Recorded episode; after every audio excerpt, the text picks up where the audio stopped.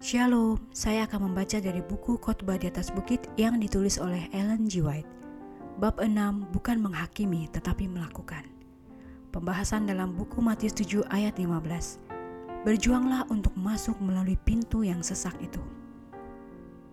Pejalan kaki yang terlambat itu terburu-buru menuju gerbang kota pada waktu matahari mau terbenam. Tidak bisa melihat sesuatu yang menarik perhatian di dekat jalan Segenap pikirannya ditujukan pada satu maksud untuk memasuki gerbang. Keteguhan maksud yang sama, kata Yesus, diperlukan di dalam kehidupan Kristen. Telah kubukakan kepadamu kemuliaan tabiat, yaitu kemuliaan sejati kerajaanku. Kemuliaan itu tidak menjanjikan kekuasaan duniawi kepadamu, namun seimbang dengan keinginan dan upayamu yang tertinggi. Aku tidak memanggilmu untuk memerangi keunggulan dari kerajaan besar dunia, tetapi oleh sebab itu, janganlah disimpulkan bahwa tidak ada pertempuran untuk dilancarkan atau kemenangan untuk diraih. Aku minta engkau berjuang, menderita untuk masuk ke dalam kerajaan kerohanianku. Kehidupan Kristen adalah suatu peperangan dan suatu gerakan, tetapi kemenangan yang akan diperoleh tidak diraih dengan kuasa manusia Medan pertentangan adalah lingkungan hati. Pertempuran yang kita lancarkan, pertempuran terbesar yang pernah diadakan manusia adalah penyerahan diri kepada kehendak Allah. Penyerahan hati kepada kedaulatan kasih. Tabiat lama dilahirkan dari darah dan kehendak daging, tidak dapat mewarisi kerajaan Allah. Kecenderungan-kecenderungan yang dibawa lahir, kebiasaan-kebiasaan dulu harus ditinggalkan. Orang yang bertekad untuk memasuki kerajaan rohani akan menemukan bahwa segala kuasa dan nafsu dari sifat manusia lama yang belum bertobat, yang diperkuat oleh kekuatan kerajaan kegelapan, sedang berjuang melawan dia. Sifat mementingkan diri dan kesombongan akan bangkit menentang segala sesuatu yang menunjuk keberdosaan mereka. Dengan kekuatan diri sendiri, kita tidak dapat mengalahkan keinginan-keinginan dan kebiasaan-kebiasaan jahat yang berjuang untuk menguasai kita tidak dapat mengalahkan musuh yang menahan kita dalam perbudakannya. Allah sendiri dapat memberikan kemenangan kepada kita. Dia ingin supaya kita menguasai diri kita, kehendak dan jalan-jalan kita.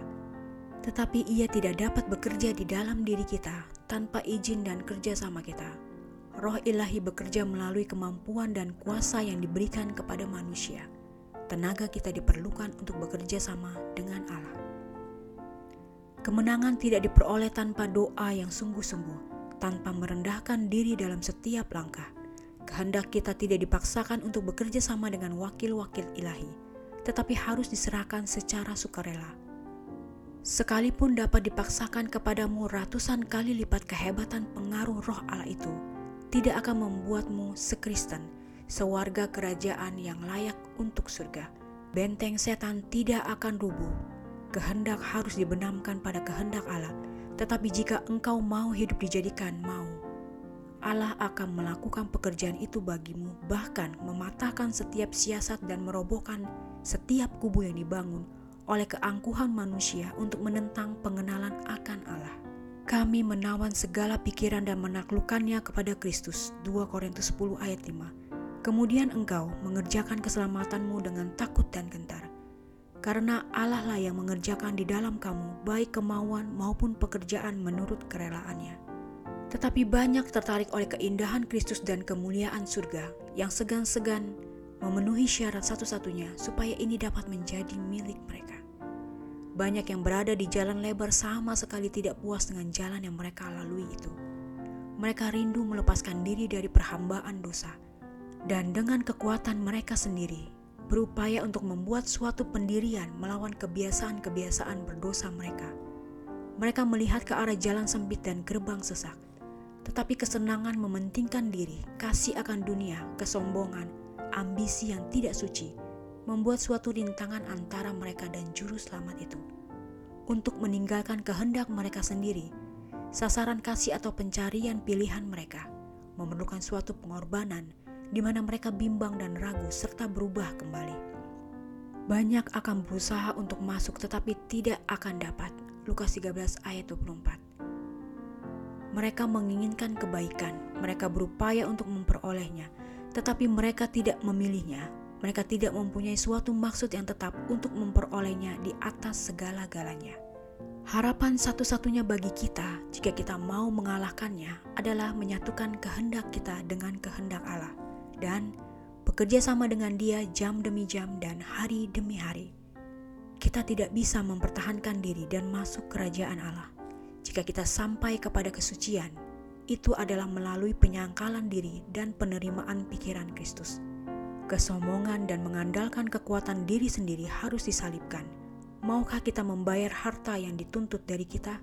Maukah kita membawa kehendak kita ke dalam persesuaian yang sempurna dengan kehendak Allah? Sebelum kita mau, kasih karunia Allah yang mengubah tidak dapat dinyatakan kepada kita. Peperangan yang harus kita lancarkan adalah peperangan iman. Itulah yang kuusahakan, kata Rasul Paulus, dan kupergumulkan dengan segala tenaga sesuai dengan kuasanya yang bekerja dengan kuat di dalam aku. Kolose 1 ayat 29. Yakub dalam krisis hidupnya yang besar beralih ke dalam doa. Dia dipenuhi dengan satu tujuan terunggul mencari perubahan tabiat. Tetapi sementara dia meminta kepada Allah, semusuh seperti yang dia harapkan menumpangkan tangannya kepadanya dan sepanjang malam dia bergumul untuk hidupnya. Tetapi tujuan jiwanya tidak diubahkan oleh bahaya kehidupan itu sendiri Ketika kekuatannya hampir habis, malaikat itu menunjukkan kuasa ilahinya. Dan ketika Yakub dijamah, sadarlah ia dengan siapa ia telah bergumul. Dengan kesakitan dan tak berdaya, ia jatuh ke pangkuan juru selamat itu, meminta berkat. Dia tidak mau dikesampingkan atau menghentikan permohonannya. Dan Kristus mengabulkan permohonan dari yang tak berdaya dan menyesal ini sesuai dengan janji-janjinya kecuali kalau mereka mencari perlindungan kepadaku dan mencari damai dengan aku. Ya, mencari damai dengan aku.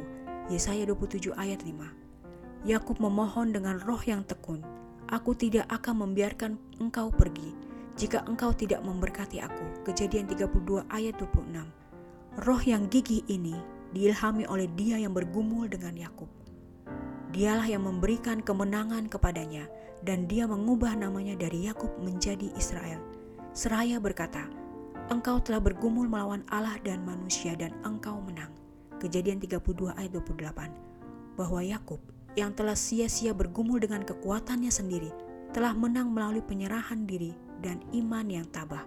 Dan inilah kemenangan yang mengalahkan dunia, iman kita. 1 Yohanes 5 ayat 4. Demikianlah bacaan buku Khotbah di atas bukit bab 6 bukan menghakimi tetapi melakukan. Pembahasan dalam Matius 7 ayat 15. Berjuanglah untuk masuk melalui pintu yang sesak itu. Tuhan memberkati.